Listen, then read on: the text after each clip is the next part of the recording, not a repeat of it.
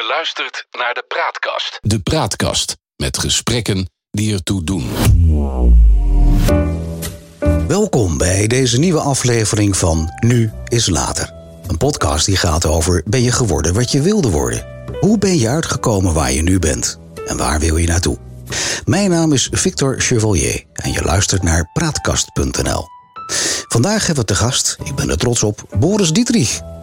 Boris werd eerst advocaat, later rechter en werd in de jaren 90 Tweede Kamerlid voor D66. Boris is grondlegger geweest van het homohuwelijk in Nederland. In 2003 werd hij partijleider, maar bleef in het parlement tot zijn aftreden in 2006. Want Boris was fel tegen militaire deelname van Nederland in de Afghaanse provincie Uruzgan. Op dit moment weer actueel. Of moet ik zeggen, nog steeds. Dietrich was een van de meest productieve Tweede Kamerleden sinds 1838 met vier initiatiefwetsvoorstellen die hij zowel door de Tweede als Eerste Kamer heeft kunnen loodsen. Als parlementslid was Dietrich al een fervent pleitbezorger van mensenrechten. En heeft het Nederlands parlement tijdens vele bijeenkomsten in de Verenigde Naties vertegenwoordigd. In 2007 is hij verhuisd naar New York om daar te werken voor Human Rights Watch en wat hij later vanuit Berlijn heeft kunnen voortzetten tot eind 2018. Voor zover mij bekend is hij nog steeds wereldwijd actief en geeft gastcolleges op universiteiten over mensenrechten, zoals eerder op Harvard, Yale, Columbia, Berkeley, John Hopkins, maar ook universiteiten in Japan, Australië, Nieuw-Zeeland, Vietnam en Hongkong. Sinds 2011 is hij ook bekend geworden als schrijver van thrillers. En hij heeft er inmiddels zes op zijn naam staan. Hoe is Boris uitgekomen waar hij nu is? Wie is de mens achter de functie? We kunnen het vandaag allemaal aan hem vragen. Sterker, we kunnen vandaag alles aan hem vragen, want hij is bij ons in de praatkast. Hartelijk welkom, Boris. Dankjewel. Een heel verhaal. En, en, en om eerlijk te zijn, eh, toen ik eh, dit aan het voorbereiden was, toen, toen duizelde me het een beetje van al die functies die je de afgelopen decennia op een, op een rijtje hebt mogen zetten. Um, zit er nou tussen al die functies, hè, zit daar nou eigenlijk eentje bij waar jij als kind al van droomde? Als kind had ik uh, kinderdromen. Dus ik kan me herinneren dat ik bij de politie wilde, bij de brandweer. Ik heb ook een tijdje piloot willen worden. Zo, ja, echt van de jongensdromen. Mm -hmm. um, maar daar sluimerde iets. Uh, misschien moet ik eigenlijk even iets over mijn achtergrond vertellen. Of althans, uh, van mijn ouders. Mijn vader is gevlucht toen hij 324 was uit toenmalig Tsjechoslowakije. Hij, heeft zijn, hij was enig kind. Um, zijn vader was overleden, dus hij heeft alleen zijn moeder achtergelaten. Mm -hmm. Kon ook niet uh, vertellen dat hij vluchtte, want hij was bang dat ze dan misschien wel de communistische autoriteiten zou waarschuwen om hem maar in het land te houden. Mijn vader was fel anticommunistisch en, en de communisten hadden in februari 1948 de macht overgenomen. Ja. Nou, mijn vader vluchtte naar Nederland, heeft daar mijn Nederlandse moeder ontmoet. Ze zijn getrouwd en zo ben ik hier in Nederland geboren. Maar wat ik wilde vertellen is dat mijn vader heel erg politiek bewust was en altijd van jongs af aan, van kinds af aan, sprak over hoe onrechtvaardig het is dat politici de macht hebben en dan families uit elkaar kunnen trekken. Ja. En ik vond dat altijd als kind heel gemeen. Uh, dat wij bijvoorbeeld geen contact mochten hebben met onze oma -hmm. van de communisten. Want uh, alle brieven die we stuurden, of ze verdwenen of ze werden zwaar gecensureerd. Ja. En nu het antwoord op je vraag. Van jongs af aan heeft er dus bij mij altijd iets gezeten van... ik wil strijden tegen onrecht. -hmm. En uh, ondanks dat ik dan kinderdromen had van bij de politie of de brandweer of een piloot... wilde ik ook altijd ergens zijn waar beslissingen genomen zouden worden. En daar wilde ik dan zelf het liefst natuurlijk de beslissing kunnen nemen, zodat ik niet afhankelijk zou zijn van mensen die over mij zouden beslissen. Dat was zo'n beetje de, de grondtoon uh, die ik had toen ik uh, studeerde en op een gegeven moment ook moest gaan kiezen wat ik zou willen gaan doen. Maar was dat ook dan, dan had dat te maken met vrijheid als hoofdthema? Of had het te maken met invloed hebben? Uh, met onafhankelijk zijn, dus vrijheid hebben. Dat vond ik echt uh, het allerbelangrijkste. En ja, als een soort bescherming tegen mensen die over jou zouden kunnen beslissen. en daardoor jou in onvrijheid brengen, wilde ik daar zijn waar die beslissingen genomen werden. Dacht ik van nou, dan kan ik het over mezelf. En vanaf welke leeftijd kreeg je dat dan? Ehm, ik geloof dat dat toch wel was in de middelbare schooltijd. Ja. Uh, dat was ook in de. Ik ben in de jaren zeventig zat ik op de middelbare school, begin jaren zeventig moet ik zeggen. Tijd van Vietnam-demonstraties en zo. Toen ben ik ook echt heel erg politiek bewust geworden. Ook over de apartheid in Zuid-Afrika was natuurlijk een thema Ja. wat heel erg speelde. En dat soort vormen van onrecht, daar kon ik echt eh, me vreselijk over opwinden als jongere en daar ook iets mee willen doen. En wat deed jij in die middelbare eh, schoolperiode daar precies mee? Ehm, nou, ehm, nu we het over eh, Vietnam hebben, heb ik mijn vader zo ver gekregen. Want mijn vader was niet een man die dan de straat opging. Maar er was een grote anti-Amerikaanse inmenging in Vietnam. Demonstratie in Utrecht bij de jaarbeurs. Ja. En daar heb ik mijn vader mee naartoe genomen. Ik denk dat ik een jaar of 16 was of zo. En eh, nou ja, mijn vader was professor aan de universiteit, dus die vond het een beetje lastig om daar tussen die 10, 20, 30.000 mensen rond te lopen. Want hij werd ook constant. Oh, professor Dietrich, eh, wat bijzonder dat u hier bent. bent, En ja. Vond hij een beetje ongemakkelijk. Van de andere kant was hij ook wel weer trots. En hij vond het leuk dat ik zo actief daarin was. Dus dat is iets wat ik echt heel goed me goed kan herinneren. Nou ja, veel meer dan eh, mijn eh, betrokkenheid tonen op een demonstratie heb ik daar niet mee gedaan. Maar de anti-apartheidstrijd tegen het regime in Zuid-Afrika, dat heeft me echt geraakt. En daar ben ik ook later mee doorgegaan. Ja, dat heeft nog jaren doorge, doorgeduurd eigenlijk. Was jouw vader eh, politiek actief? Uh, niet actief, maar wel erg bewust. Uh, dus mijn vader volgde ook alle verkiezingen in Nederland. Ja. Hij was dus uh, vanwege een politieke reden gevlucht uit Tsjechoslowakije. Was ook de eerste erkende politieke vluchteling die een beurs kreeg om te studeren in Utrecht. Van het UAF, het Universitair Asielfonds. Mm. Ook de eerste die afstudeerde daarin. Dus mijn vader was echt politiek heel uh, bewust. En als er dan bijvoorbeeld uh, gemeenteraadsverkiezingen of landelijke verkiezingen waren. Wij waren een van de eerste families die een televisie hadden. Zo'n klein zwart-wit toestelletje. Ja. Dan uh, zat de hele familie uh, keurig met bloknotes op schoot naar de uitslagen te kijken. En dat vonden we, wij als kinderen, mijn zus en ik, vonden dat echt heel belangrijk, fantastisch. En ja, dan zaten we de hele avond gewoon te noteren welke partij een zeteltje meer of minder kreeg. Ja, dat was, uh, dat was de opvoeding van mijn vader. Maar dan mag je toch wel stellen dat dat politiek bewustzijn, dat dat met, letterlijk met de paplepel ingegoten ja. is. Zeker. Ja. En vanwege die achtergrond dat mijn oma in Tsjechoslowakije zat, geen contact met ons mocht hebben.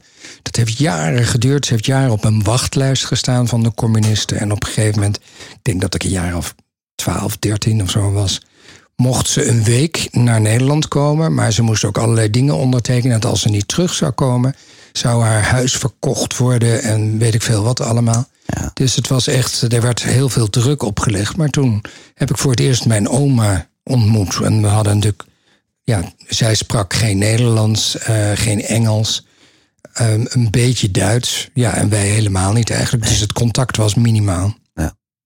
Als, je, als je aan die periode terugdenkt, in wat voor manier heeft dat jou mogen vormen? Met betrekking tot je politieke opvatting ook? Nou ja, deze keukentafelgesprekken over wat is democratie, uh, waarom is het belangrijk om te gaan stemmen, Waar kies je voor? Wil je vrijheid en onafhankelijk? Ja, dat is me dus inderdaad, wat je net zelf zei, met de paplepel ingegoten. En dat heeft mij uh, gevormd. En ik, na de middelbare school ben ik uh, gaan studeren in Leiden. En daar ben ik actief geworden. In welke vorm? Um, eerst eigenlijk buiten de politiek. Er zijn een paar dingen die daar voor mij echt uitspringen. We hadden het over uh, antiracisme uh, en dan met name anti-apartheid. Er was toen een, in die tijd een enorme actie boycott oudspan sinaasappels uit Zuid-Afrika, want die zouden het regime spekken. En daar werd een uh, tekenwedstrijd of zo voor georganiseerd. En uh, ik ben daaraan mee gaan doen. Dus hebben tekeningen gemaakt tegen de apartheid. En uh, wat heel leuk was, mijn tekening werd uitgekozen voor een tentoonstelling in Leiden in, in een, of andere kerk. En uh, nou ja, daar werden ook toespraken gehouden tegen de apartheid. En petities ondertekend, ging de deuren mee af. Dus dat was een, een, een vorm van activisme. Uh, die uh, voor mij heel belangrijk was. En tweede, wat in mijn studietijd ook heel belangrijk was, ik was ook erg begaan met ja, mensen die psychosociale problemen hadden. En ik werd op een gegeven moment gevraagd of ik eh, bij de telefonische hulpdienst wilde komen werken Ja. als vrijwilliger. Ja. En dat heette toen SOS, telefonische hulpdienst. En dat was echt als mensen in de problemen zaten, konden ze met name s'nachts of s avonds bellen met een telefoonnummer. Dan kregen ze een getrainde vrijwilliger aan de lijn. En die kon dan met, met die persoon over dat probleem praten. En die vrijwilliger, dat was jij dan? Nou ja, er waren heel veel vrijwilligers, maar ik was één van hen. Ja, dat en ik heb uh, uh, bijvoorbeeld, uh, ja, raakte ik gespecialiseerd, om het zo te zeggen, in zelfmoordgesprekken. En heb daar uh, colleges van gehad en, en, trainingen van gehad van René Dijkstra. Die toen in uh, Leiden uh, nou ja, zich heel erg met zelfdoding bezig hield. En, uh, is nou hij ja, nog steeds overigens, hè? En dat is hij nog steeds. Ja, Vandaar dat ik ook zijn naam noem. Ja. Ik heb heel, hij heeft voor mij heel veel geleerd op dat gebied. Dus ik heb heel veel gesprekken gehad met mensen. En dat, ja, dat klinkt heel eenvoudig als ik het nu zo zeg. Maar dat waren mensen die dan pillen hadden ingenomen en hadden besloten: ik wil uit het leven stappen. Ja. Maar dan toch vlak voordat ze een beetje wegraakten, die telefoon grepen en dan zeiden van: ja. ik heb pillen ingenomen. En dan toch hun adres noemden of hun naam noemden. En als je dan vroeg: ja, maar uh, wilt u uh, dat er iemand langskomt of zo? Mm. Ja, dan vielen ze weg. En dan moest je zelf maar beslissen: van wat doe ik nou? Dus ik weet nog dat ik op een gegeven moment eens een keer uh, inderdaad de ambulance heb uh, gebeld en op een adres heb afgestuurd. En uiteindelijk is die iemand zijn, uh, zijn maag leeg gepompt en zo. En die werd heel kwaad na afloop de volgende dagen dat ik dat gedaan had, want hij wou dood en nou was hij er weer. Dus en, wat ik maar wilde aangeven, het was heel erg ingewikkeld en moeilijk, maar ook voor mij heel belangrijk. Dus dat heb ik geloof ik een paar jaar gedaan, terwijl ik in Leiden studeerde. Maar waarom koos je daarvoor? Ja, ik vond het heel belangrijk om, ja, in die tijd, hoe oud was ik, 22 of zo. Uh, vond ik het erg belangrijk om, um, ja, ik dacht na over het leven en de dood. En um, ik vond het belangrijk om andere mensen te helpen. En ik voelde mezelf wel geprivilegeerd. Dus tegenwoordig ook helemaal in woord. om dat te zeggen. Maar ja. dat vond ik ook echt van. Ik kwam uit een goed gezin, een stabiel gezin. Ik had het, zat je, goed. het zat jou een beetje mee, zeg maar. Het zat me mee. Ik had de wind, maatschappelijk de wind mee. Ja. Op veel terreinen.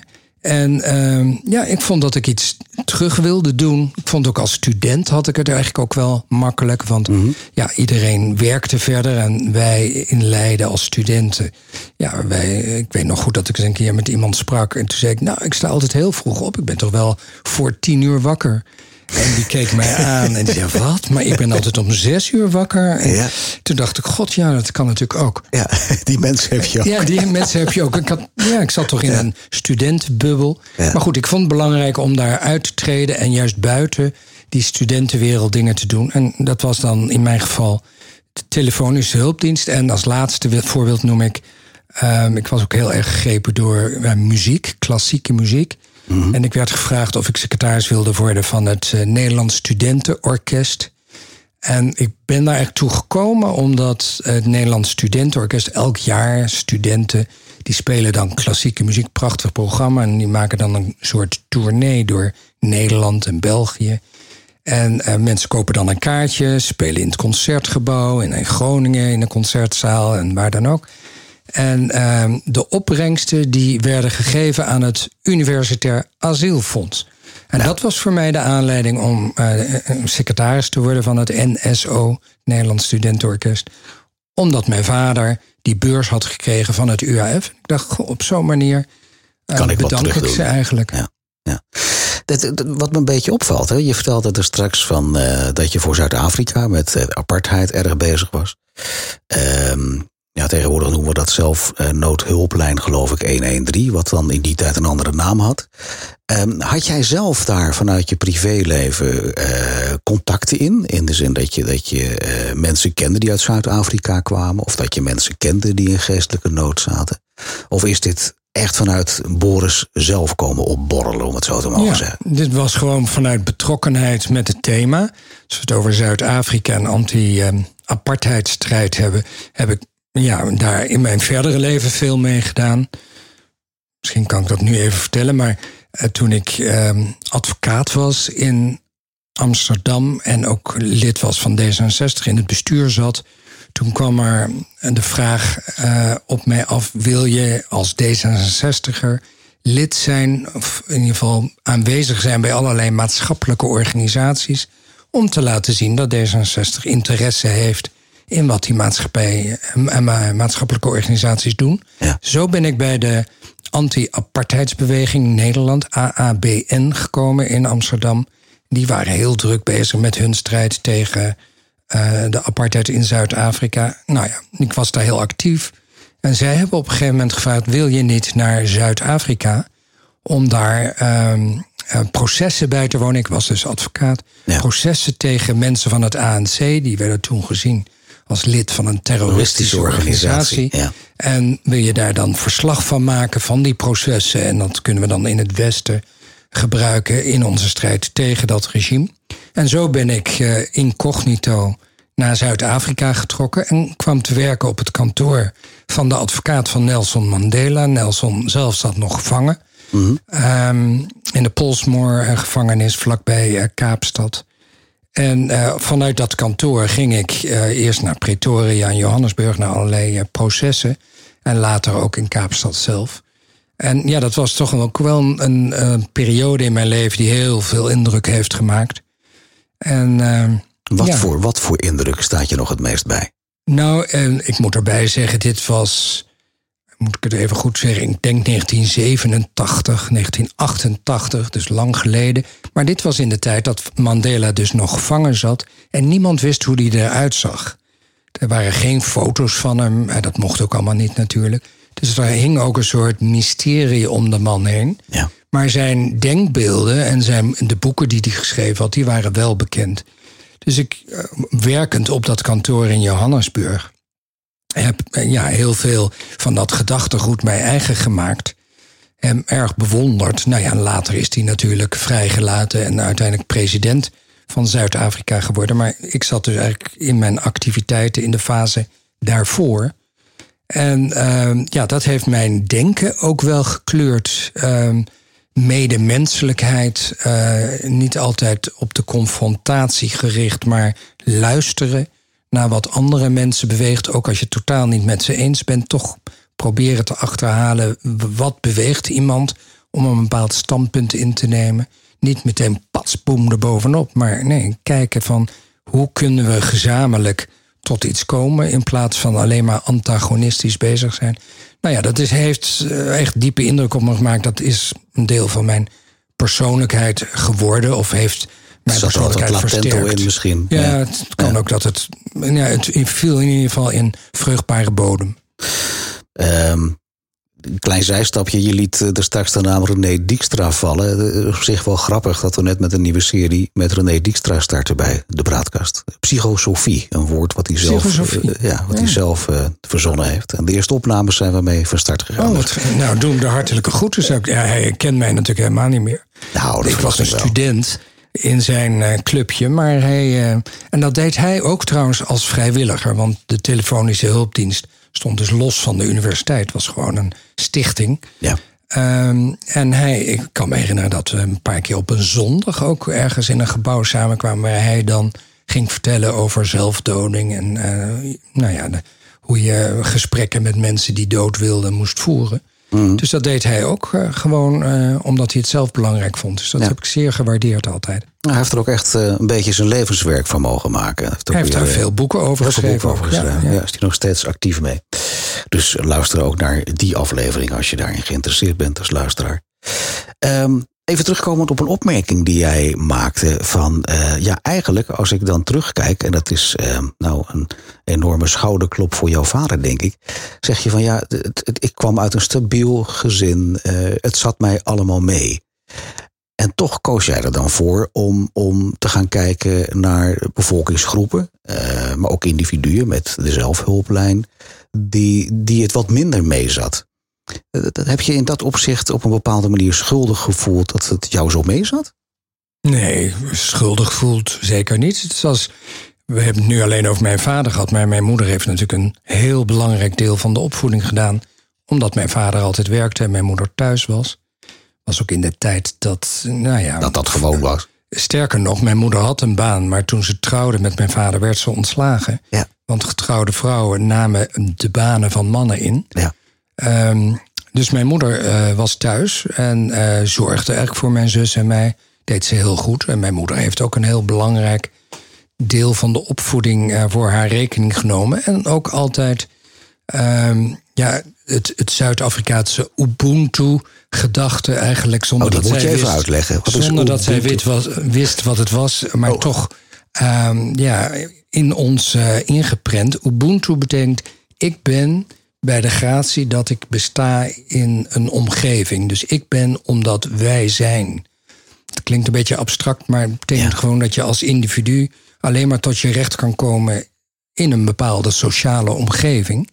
En voor mijn moeder was het dus ook altijd belangrijk dat we aan sport deden of muziek. Dat we kinderen uit de buurt mee naar huis namen of daar naartoe gingen. Maar dat we in ieder geval sociale, als sociale wezens opgroeiden. Ehm, kon je dat kwijt als politicus? Wat je uiteindelijk werd? Ja, zeker. Um, nou ja, ik heb zelf toen ik uh, studeerde en naar Amsterdam zou verhuizen om advocaat te worden, gedacht: ik wil nu ook echt politiek uh, actief worden, dus bij een politieke partij horen.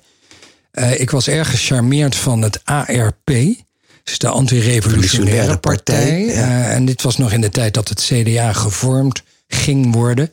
Dus dat waren nog drie verschillende bloedgroepen, drie verschillende partijen. Uh, Willem Aantjes was de fractievoorzitter van het ARP. Vond ik een interessante man. Maar in die tijd uh, kwam uit dat hij in de oorlog uh, ja, niet echt uh, heel erg goed was, laat ik het zo maar even formuleren. Niet zo tactisch geweest was. Ja, het, ja. ik denk dat het ook een enorme rel is geweest die als je op de keper beschouwt misschien allemaal wat minder erg was. Maar goed, in, in, in ieder geval in die tijd dat tijd schrok ik wel. daar heel ja. erg van. Uh, de, ik heb allerlei partijprogramma's toen ook gelezen. was heel serieus, dus dan ging ik dat doen. Ik weet nog, in Leiden was zo'n kraampje van politieke partijen. Daar lagen al die programma's, heb ik allemaal meegenomen. En toen vond ik dat D66 daaruit sprong voor mij. Mm -hmm. Omdat dat een aandacht was voor de individuele ontplooiingsmogelijkheden. Maar in het kader van maatschappelijke betrokkenheid en een sociale cohesie. Um, ja, en dat vond ik belangrijk. Dus toen ben ik lid geworden van uh, D66 voordat ik me in Amsterdam bij het bevolkingsregister ging aanmelden. Ik dacht, ik moet eerst lid zijn van een politieke partij en dan pas naar het bevolkingsregister. En zo is dat gegaan. Waarom zat die volgorde erin? Ja, ik had dat voor, ja, ik ben een raar iemand. Dus ik had dat voor dat mezelf. Had ik dat uh, zo vastgesteld van dat moet ik doen, want ja. nou ja, dat is belangrijk. En uh, ja, zo is het gekomen. Er zit volgens mij nog een stukje tussen, maar dat gaan we zo meteen horen in de deel 2. Boris, dankjewel voor het eerste gedeelte van uh, dit stukje. Nu is later met Boris Dietrich.